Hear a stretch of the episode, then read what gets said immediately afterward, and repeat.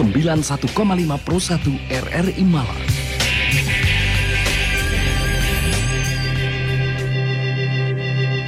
Selamat siang pendengar masih dari kawasan Jalan Jati Panggung 58 Anda bersama kami dalam dialog interaktif untuk Lintas Malang Siang.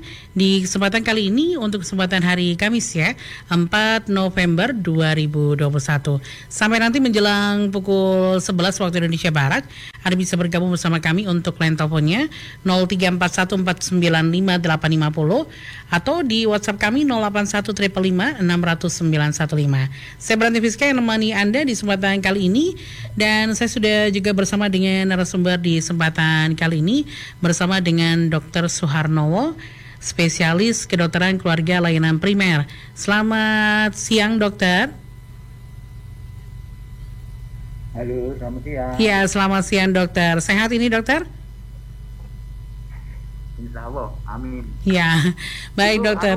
Suara, suaranya kecil dari sini. Oh ya, baik. Uh, nanti kita akan coba sambil jalan diperbaiki begitu ya dokter. Ya dokter kita akan membahas terkait juga dengan bepergian di masa pandemi ya.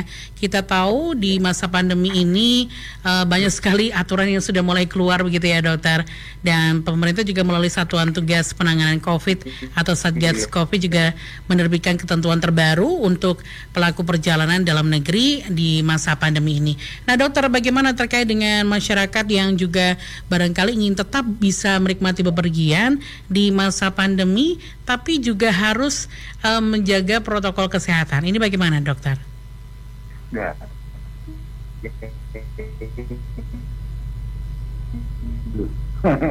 Iya.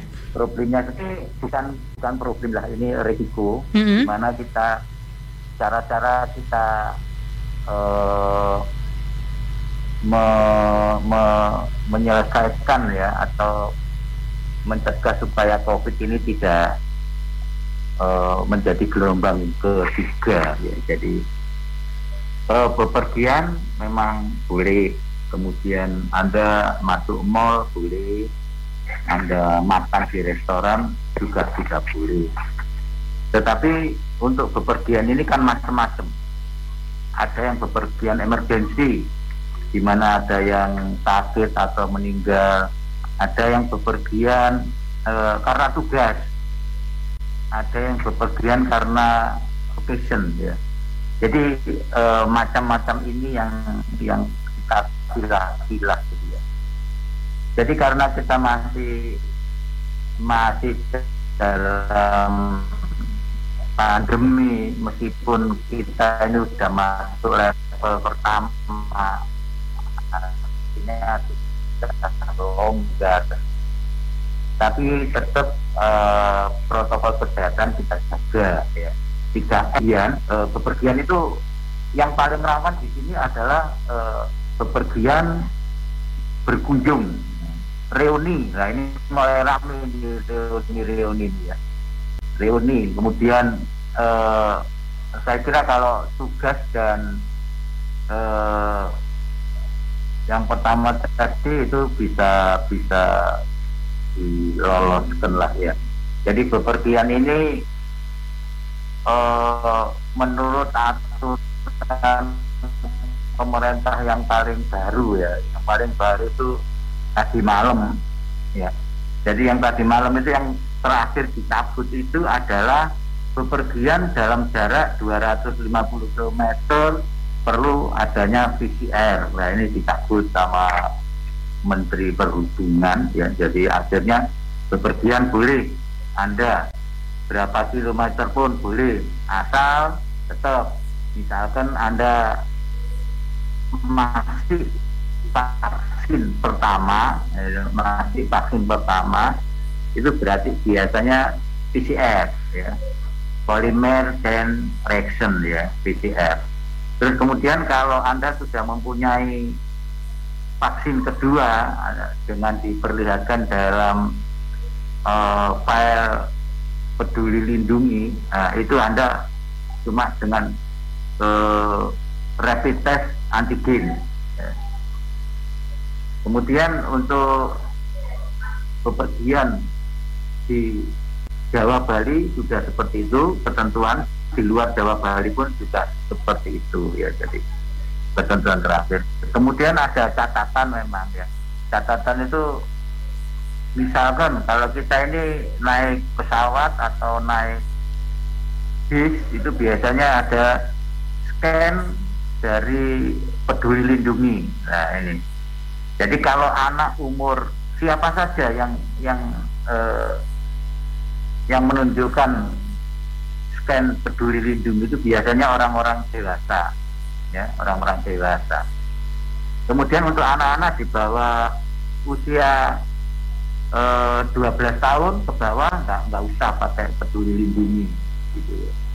terus kemudian eh, untuk angkutan-angkutan yang emergensi misalnya untuk angkutan bahan pokok nah, ini peduli lindungi bisa dilepas nggak apa-apa atau untuk untuk pendatar. Kemudian juga untuk orang tua, orang tua yang punya komorbid. Ya ini biasanya orang tua punya komorbid ini kan nggak divaksin ini ya, nggak divaksin. Nah dia kalau bepergian harus menunjukkan suratnya dari dokter, ya surat dokter bahwa anda nggak divaksin karena komorbid ini ini ini gitu. Nah ini bisa lolos untuk bepergian. Itu Mbak. Iya, baik. Sementara ini. Baik dokter, kalau berbicara tentang bepergian tadi memang uh, tadi sempat uh, agak rumit juga ketika ada ketentuan bahwa 250 km. kecil, Mbak. Saya oh? nangkepnya kecil. Baik. Baik, nanti kami coba uh, uh, sampaikan dulu untuk uh, Anda pendengar yang juga ingin bergabung jangan lupa sekali lagi di 4958850 WhatsApp kami di 0815560915 sambil kami juga uh, jalan dan juga memperbaiki begitu ya. Nah, untuk Anda pendengar Uh, topik kita adalah tentang bepergian di masa pandemi ya. Silakan yang barangkali nanti ingin bergabung bersama kami. Saya sudah bersama dengan Dr. Suharnowo di kesempatan kali ini untuk berbincang sampai menjelang pukul 11 waktu Indonesia Barat nanti. Dan dokter uh, tadi juga kan juga disampaikan bahwa ini udah dicabut ya dokter yang 250 km. Jadi kita tidak perlu menggunakan PCR atau juga antigen begitu? Uh, udah dicabut, mm-hmm. tidak menggunakan PCR, tapi antigen tetap. Oh, antigen tetap ya. Jadi uh, kalau kita mempunyai vaksin uh, sudah melakukan dosis satu dan dosis dua, uh, sebaiknya menggunakan antigen itu tadi. Iya. Oke. Okay. Uh, apa uh, uh, rapid test antigen ya. Rapid test antigen. Dokter apa yang membedakan ketika uh, masyarakat yang mungkin hanya bisa masih bisa untuk melakukan dosis satu, kemudian harus PCR. Ini apa yang membedakan PCR dan antigen? Iya, jadi uh, eh, PCR ini adalah suatu pemeriksaan untuk mendeteksi adanya RNA COVID. Terus kemudian vaksin pertama, nah ini vaksin pertama diberikan sebagai e, reaksi atau sebagai untuk selnya supaya siap-siap memproduksi antibodi. Ya, jadi suntikan pertama atau vaksin pertama itu menyiapkan tubuh, menyiapkan sel-sel untuk memproduksi antibodi. Oleh karena itu perlu ada suntikan kedua ya, di mana suntikan kedua ini memacu keluarnya antibodi dalam tubuh kita.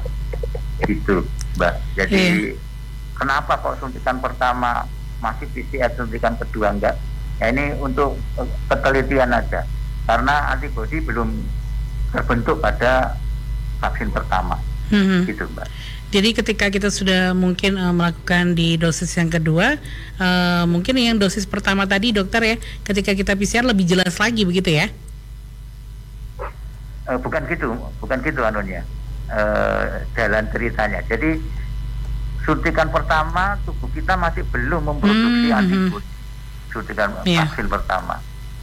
Jadi kalau ada kalau ada uh, kuman yang masuk sana dapat terdeteksi dengan PCR ini tadi. Oh iya. Baik. Jadi PCR sama antigen ini berbeda dan eh, ketajamannya juga berbeda. Hmm, iya. Artinya antigen ini untuk memeriksa COVID yang menempel, ya, yang menempel di nasofaring dan urofaring. Tapi kalau PCR ini sudah masuk ke darah, Mhm. Ke RNA, ke sel, sorry, ke sel, ke Mm-mm. RNA-nya. Gitu. Jadi memang memang beda pemeriksaan ini Mhm. dan kemudian eh, ini juga dibedakan dengan pada waktu kita vaksin gitu. Iya. Karena vaksin pertama masih belum terbentuk apa-apa. Mhm. Yang bisa deteksi yaitu kalau kumannya nempel di urofaring tadi.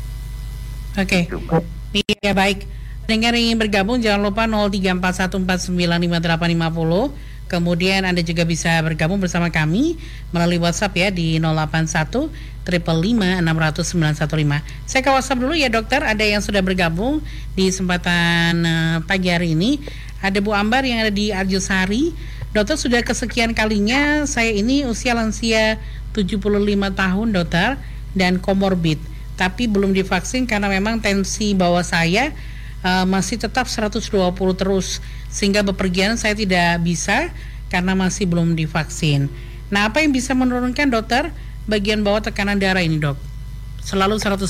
Eh, jadi sebetulnya pertanyaannya bukan itu, pertanyaannya gimana saya bisa bepergian gitu ya. jadi eh, ibu harus ke dokter, Ya. ya harus ke dokter, dokter BPJS ataupun dokter minta surat bahwa ibu belum divaksin Mhm. karena komorbid. Nah, surat ini ini nanti bisa untuk bepergian. Oh ya. Mhm. Jadi begitu Gitu, ya? Mbak, Jadi Iya. kalau kalau penyakitnya nah, nanti kita lihat penyakitnya apa gitu ya. Mhm. Jadi komorbidnya ini apa? Apa hipertensi atau jantung atau apa? Jadi biasanya hipertensi itu tidak tidak berdiri sendiri. Oleh Hmm. karena itu sulit untuk diberikan obat anti hipertensi. Hmm. Mungkin hipertensinya ini hipertensi sekunder, gitu mbak. Hmm, tapi biasanya dokter eh, rata-rata orang yang mungkin barangkali mungkin tekanan darahnya eh, yang atas juga tinggi, kemudian yang bawah juga tinggi, ini biasanya lebih eh, ke mana dokter? Sakit karena memang eh, memang ada komorbid yang juga memang sangat bergandengan banget ini dengan hipertensinya dok.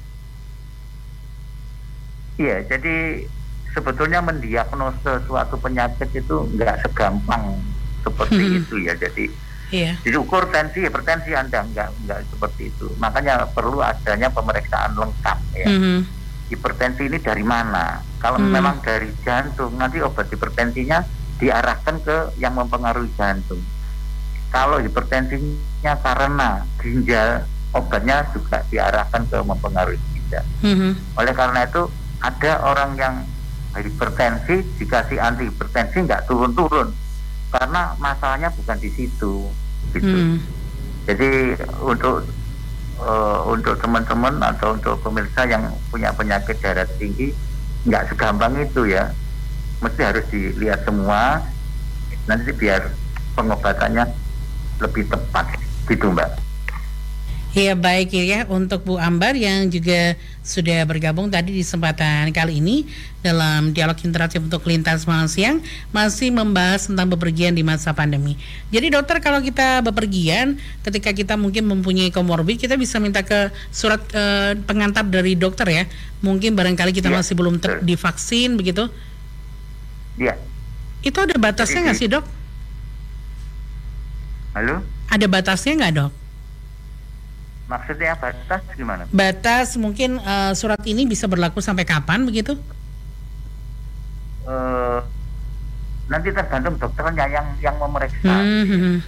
Jadi misalnya biasanya kalau komorbid itu ya sudah umur hidup biasanya. Oh ya. Eh, iya kan. Jadi nggak bisa vaksin dong dok?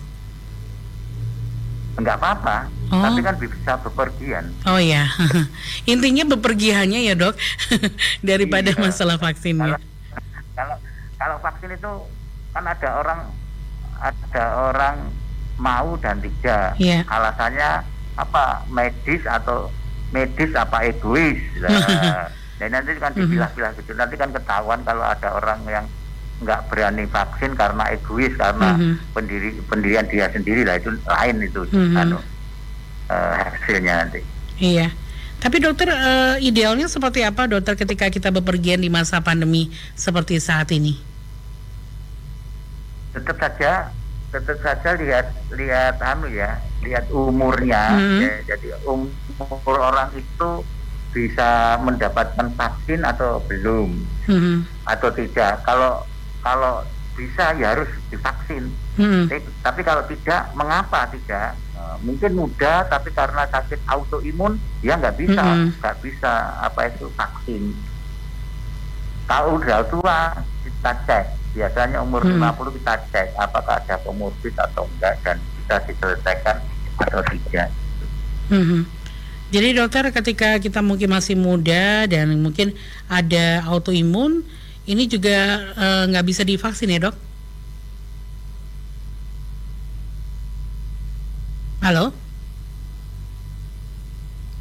Ya mungkin kita masih terhalang ini Eh, ada trouble di kesempatan kali. Iya, Ya, masih terdengar dok? Iya, halo. iya Iya dokter. tidak. Nah, Jadi eh, ketika kita mungkin usianya muda dan kemudian ada autoimun, ini masih belum bisa divaksin ya sampai sekarang ini dok. Iya, jadi eh, autoimun ini ini yang penyakit yang yang apa ya? Yang dijauhi oleh vaksin itu karena Hmm. kita nggak ngerti reaksi selanjutnya gimana. Tapi sebaiknya memang harus periksa ke dokter. Yang menentukan itu biasanya dokter.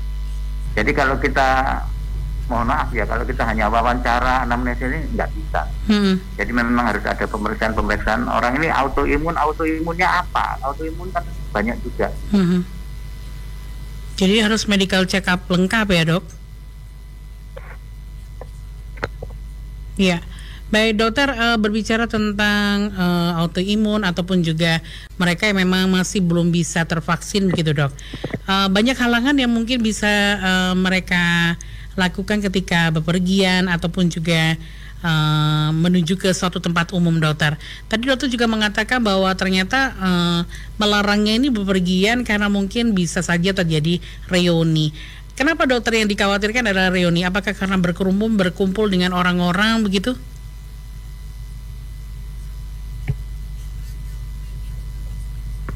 Ya halo. Dokter bisa mendengarkan suara saya? Ya masih terhalang ya di kesempatan kali ini. Saya juga masih mencoba untuk bisa terhubung kembali bersama dengan Dr. Suwarnowo untuk mendapatkan informasinya di kesempatan kali ini terkait juga dengan bepergian di masa pandemi. Masih kita akan coba kembali untuk bisa uh, bergabung di kesempatan kali ini. Untuk Anda yang pendengar juga ingin bergabung 4958850 atau 081355600915 saya nantikan Anda untuk bisa bergabung di kesempatan kali ini dan saya Beranti Fiska masih akan menemani Anda.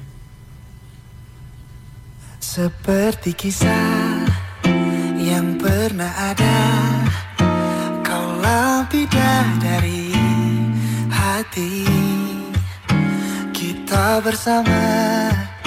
Buat cerita Cinta antara kita. Ku pernah terluka Kadang tak berdaya. Kau selalu ada Buatku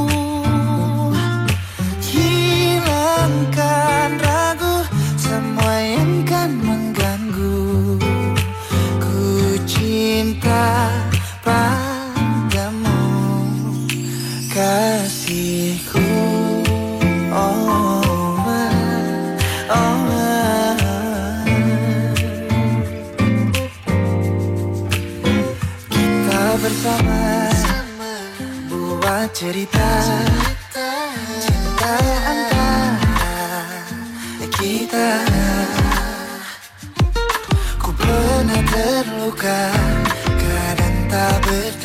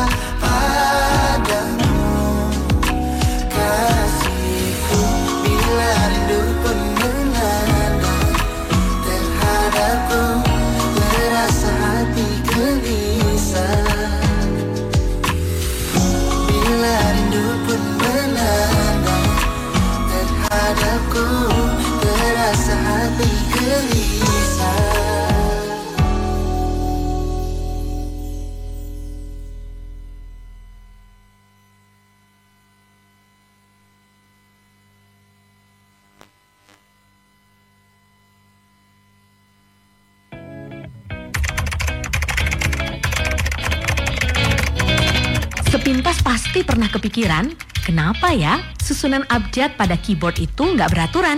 Keyboard atau dinamakan QWERTY sesuai dengan lima huruf pertamanya memang sengaja dibuat tidak beraturan karena zaman dulu banyak dari kata bahasa Inggris pakai huruf yang saling berdekatan yang mengakibatkan tuas pada mesin ketik saat itu sering kali menyangkut satu sama lain. Kemudian di tahun 1874, Christopher Soles memecahkan permasalahan tersebut dengan membuat keyboard QWERTY supaya huruf-huruf yang sering digunakan diletakkan berjauhan agar tuas tidak lagi saling menyangkut dan membuat keyboard lebih efisien pada saat dipakai.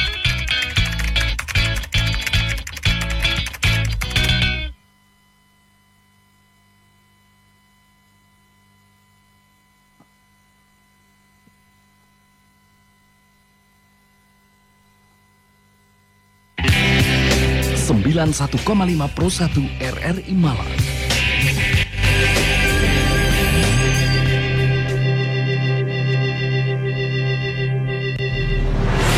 RRI Radio Tangga Bencana COVID-19 Berita terkini Saudara usai dibentuk Gerakan Ekonomi Kreatif Kota Batu membidik 17 sektor unggulan. Selengkapnya akan dilaporkan Mario Sidik. Silakan Mario. Ya, mendengar kami sampaikan bahwasanya gerakan ekonomi kreatif yang menjadi andalan khususnya di bidang untuk UMKM sektor ekonomi kreatif dan juga pariwisata nampaknya memang akan menjadi salah satu pilihan atau juga menjadi andalan bagi pemerintah Kota Batu yang bersiap bersinergi untuk bisa memajukan produk-produk kreatif yang ada di Kota Wisata Batu. Gcraft sendiri merupakan salah satu kegiatan gerakan ekonomi kreatif yang juga dibentuk oleh Kementerian Pariwisata untuk bisa memberikan opsional berbeda dengan cara fokus untuk bisa membangkitkan sektor uh, ekonomi ataupun juga beberapa sektor yang ada di wilayah masing-masing baik di kecamatan uh, sorry Pak maksud kami di wilayah dan untuk Kota Batu sendiri telah dibentuk dengan uh, pembentukan yang dilakukan pertama kali di wilayah Jawa Timur atau dilantik dari 38 kota dan kabupaten yang ada di Jawa Timur. Dan pelaksanaan untuk Ekraf sendiri memang akan membidik 17 subsektor Ekraf atau ekonomi kreatif yang akan dikerjakan dan digarap di Kota Wisata Batu. Dari beberapa 17 subsektor ini tertuju pada subsektor kuliner, fashion, kria, aplikasi, film animasi video, fotografi, periklanan, seni rupa, arsitektur, desain interior, desain komunikasi visual, desain produk, lalu juga ada permainan atau game dengan aplikasi radio TV, periklanan, penerbitan, dan seni pertunjukan.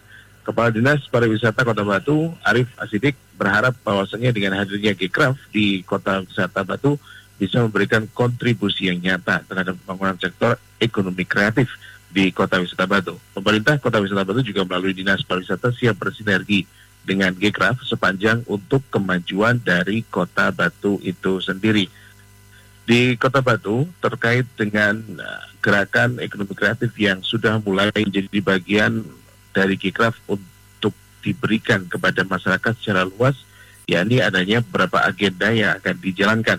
Ketua Kikraf Kota Batu, Syaiful Umam, menjelaskan bahwa akan terus mendorong ekosistem ekonomi kreatif di Kota Wisata Batu, seperti dengan agenda yang akan dilakukan di tahun 2022 di mana produk olahan buah yang selama ini di Kota Batu nantinya akan dipamerkan secara langsung di Budapest, tepatnya di ibu kota Hungaria. Begitu juga ada beberapa kerajinan yang saat ini menjadi andalan dari Kota Batu, kerajinan tanaman dalam pot kokedama yang saat ini banyak digandrungi oleh masyarakat Kota Batu khususnya di daerah Bumi Haji, nantinya akan diundang ke Ohio State University di Amerika untuk bisa memberikan materi workshop terkait dengan kerajinan kokedama ini. Diharapkan gerakan ekonomi kreatif menjadi pelaku ekonomi kreatif menjadi satu kawah canda di muka yang mampu untuk bisa memulihkan ekonomi khususnya di Kota Batu pasca pandemi yang nantinya akan bisa diatasi secara kolektif dengan bagian dari kelembagaan yang memang menjadi andalan dari Kementerian Pariwisata ini serta dengan pemerintah Kota Wisata Batu. Mario Sidik melaporkan untuk Pro 1 RRI Malang. RRI Radio Tangga Bencana COVID-19.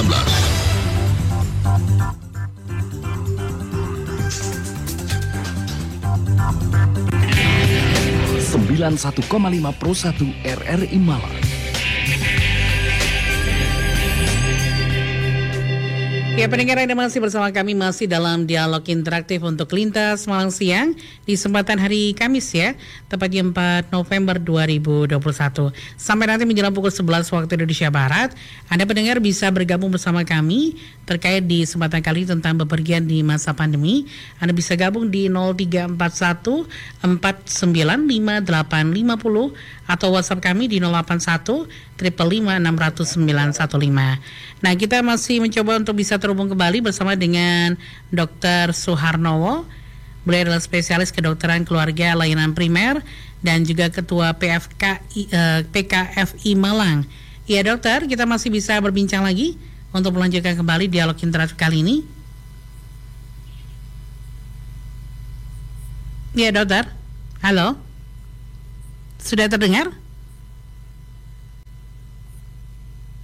Ya masih mencoba agar mungkin bisa melanjutkan kembali dialog kita di kesempatan kali ini bersama dengan Dr. Suharnowo, spesialis kedokteran keluarga layanan primer dan ketua PKFI Malang ya. Masih membahas tentang bepergian di masa pandemi. Kita akan coba lagi untuk bisa menyapa kembali Dr. Harnowo. Ya dokter, sudah terdengar suara saya? Ya baik. Ya pendengar Anda masih bersama kami dalam dialog interaktif untuk lintas malam siang Menemani Anda di kesempatan kali ini Anda bisa bergabung bersama kami sampai nanti menjelang pukul 11 waktu Indonesia Barat Kita coba kembali ya untuk menyapa Dr. Harnowo Dokter, eh, terdengar suara saya dokter? Halo? Baik, eh, pendengar Anda bisa mendengarkan juga melalui live streaming kami atau melihat di live streaming kami di uh, kanal YouTube ya untuk Pro 1 RRI Malang dan juga bisa bergabung bersama kami. Baik, dokter, bisa terdengar ya? Ya, dokter. Selamat pagi. Iya, sudah terdengar nih suaranya. Uh, sudah bisa. Bagus. Baik, iya dokter, kita masih akan melanjutkan kembali. Saya akan bacakan dulu WhatsApp ya yang sudah bergabung Iya, di iya. kesempatan kali ini. Ada Bu Linda di Kaliurang. Eh, saya terkena diabetes usia saya 55 tahun ini dokter dan saya mengalami diabetes basah. Kemudian dokter, saya tidak eh, diizinkan untuk vaksin sehingga ini juga menghalangi aktivitas saya untuk mem- bepergian seperti itu dokter. Nah, jalan satu-satunya seperti apa dokter yang mungkin harus saya lakukan? Jadi ibu ini harus periksa ke dokter dulu, kemudian Hmm. ditentukan dia termasuk kencing manis yang eh, ter apa namanya teratur berobatnya atau enggak gitu ya. Berobatnya minum obatnya teratur apa enggak. Kalau udah teratur ataupun tidak nanti menghadap dokter dan dokter akan memberi surat apakah ibu ini bisa vaksin atau tidak. Jadi yang penting adalah ada surat keterangan dokter bahwa bisa apa enggak vaksin. Kalau enggak bisa, ditulis enggak bisa di situ, enggak apa-apa. Dan surat ini untuk bepergian ke mana-mana bisa aja. Tapi kalau bisa, ya ini ikut aturan dokter nanti. Mungkin eh, kencing manisnya di distabilkan dulu. Kalau udah stabil eh, baru vaksin nanti. Gitu, Mbak. Ya baik dokter berarti eh, ketika kita juga mungkin mengalami penyakit yang bisa dikatakan komplikasi seperti ini, komorbid begitu ya dok. Yang terpenting adalah mungkin rutinitas dari periksa ya dok. Betul, betul. Iya. Jadi nanti kalau rutin itu Anda dikatakan stabil Iya. apa pun penyakitnya. Misalkan hipertensi, kalau minum obat terus hipertensi yang stabil. Nah, Hmm. ini bisa divaksin nantinya. gitu. Masih bisa divaksin ya. Ya biasanya dokter eh, penyakit komorbid seperti apa ya dokter yang mungkin bisa mungkin menjadi acuan bagi para pendengar yang masih belum eh, vaksin untuk sampai saat sekarang. Iya, jadi belum vaksin ini udah kita bagi tadi karena apa gitu? Karena nggak mau atau karena Hmm. takut penyakit. Iya. Kalau takut penyakit biasanya orang usia 50 ke atas dicek Mm-mm. apakah orang ini biasanya sakit hipertensi atau sakit DM Mm-mm. atau bisa sakit asma Mm-mm. atau bisa sakit autoimun. Nah, ini penyakit-penyakit ini, penyakit-penyakit kronis ini nanti biar dokter yang menentukan apakah perlu divaksin atau tidak dan dokter akan mengeluarkan eh, surat ya, mengeluarkan note nanti Iya. catatan ini nanti bisa dipakai untuk vaksin atau untuk pemeriksaan kartu vaksin dilepas. Gitu, Hmm, Mbak. iya. Iya, baik. Eh, saya bacakan kembali nih WhatsApp yang juga sudah bergabung di kesempatan kali ini ada Bu Retno ya yang ada di Saujajar. iya. Eh, dokter ketika di perjalanan saat melintasi perbatasan dan pemeriksaan sebenarnya satu jam yang lalu eh, waktu itu saya sudah swab antigen hasilnya adalah negatif. Tapi kok tiba-tiba di perlintasan berikutnya ini mendadak eh, dianjurkan swab kembali ternyata saya malah positif dokter tapi tanpa gejala. Apakah ini yang dinamakan dengan OTG? Eh, jadi kekuatan swab antigen ya itu kalau untuk perjalanan itu satu hari memang. Mhm. Kalau PCR mungkin sampai tiga hari. Iya.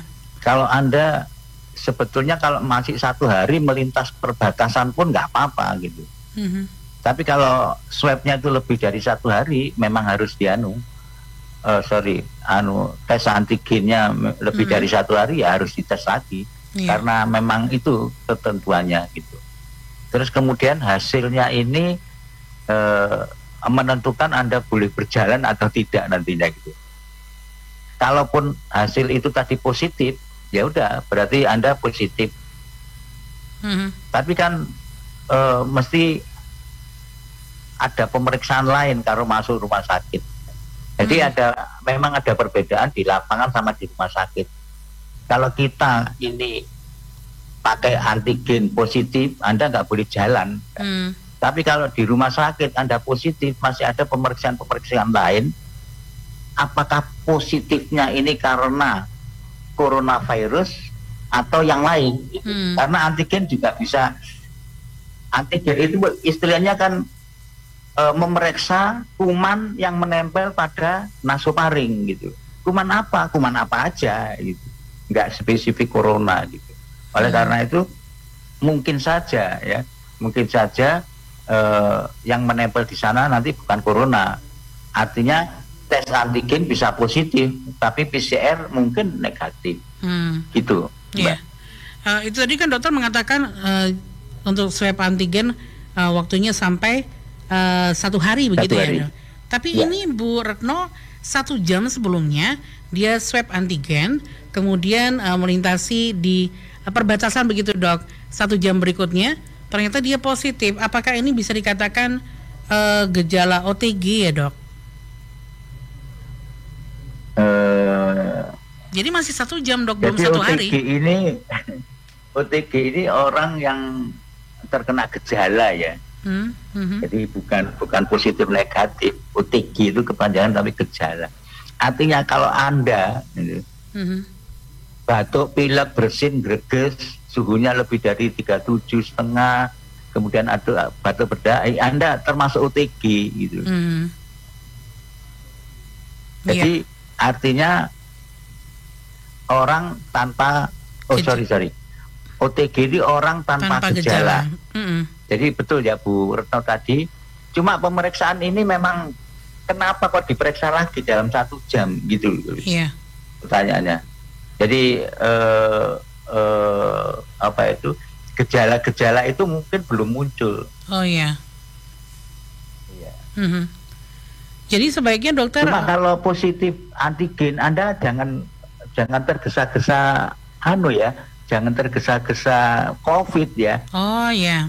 Makanya Belum tentu ya, makanya Dok. kalau Anda kalau Anda positif ya, Anda cepat lapor ke puskesmas. Mhm. Nanti ada tim yang akan memeriksa Oh. PCR-nya itu. Iya. Jadi jangan sampai Anda ini plus Mhm. plus apa itu namanya plus antigen Iya. kemudian ini isoman sendiri lah ini salah ini. Malah salah ya, Dok. salah ya Baik. karena isoman itu harusnya yang menentukan puskesmas Puskesmas atau sendiri ya. dokter dengan pemeriksaan PCR Mhm. Iya, dokter. gitu Baik, eh, itu untuk Bu Retno ya yang sudah bergabung di kesempatan kali ini. Ya dokter kita hampir di menit-menit terakhir ini.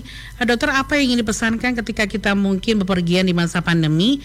Apa yang harus dipersiapkan dokter? Iya, jadi eh, yang pertama tetap waspada, ya.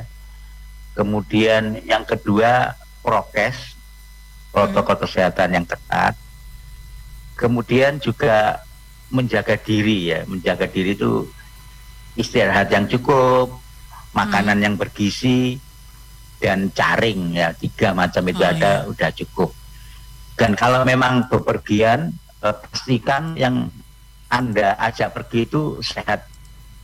Dan yang anda datangan datangi itu juga sehat juga gitu Hmm. ya jadi jadi kalau tadi pertanyaan kok reuni kok nggak boleh sih Eh, sebetulnya kalau kita yakin bahwa teman-teman kita itu negatif dan sehat nggak masalah sih Mm-mm. kita paling-paling tetap aja cuci tangan masker dan jaga jarak itu Hmm. cuma biasanya reuni ini kan minimal karaokean gitulah gitu Iya. terus kemudian makan bersama gitu Eh. nah ini yang yang bikin anu yang bikin apa itu covid itu bisa menyebar Mhm. Jadi dalam masa pandemi ini bepergian boleh, tapi tetap waspada. Waspada ya. Gitu, Ibu. Baik. Terima kasih dokter untuk eh, sudah berbagi ilmu bersama pendengar juga di rumah yang juga sudah bergabung di Iya, kesempatan kali ini. Semoga nanti di lain waktu kita masih bisa berjumpa lagi ya dok dan jaringannya juga lebih enak untuk Iya. Oke, bisa salam didengar. sehat. Salam sehat dokter. Selamat siang. Iya.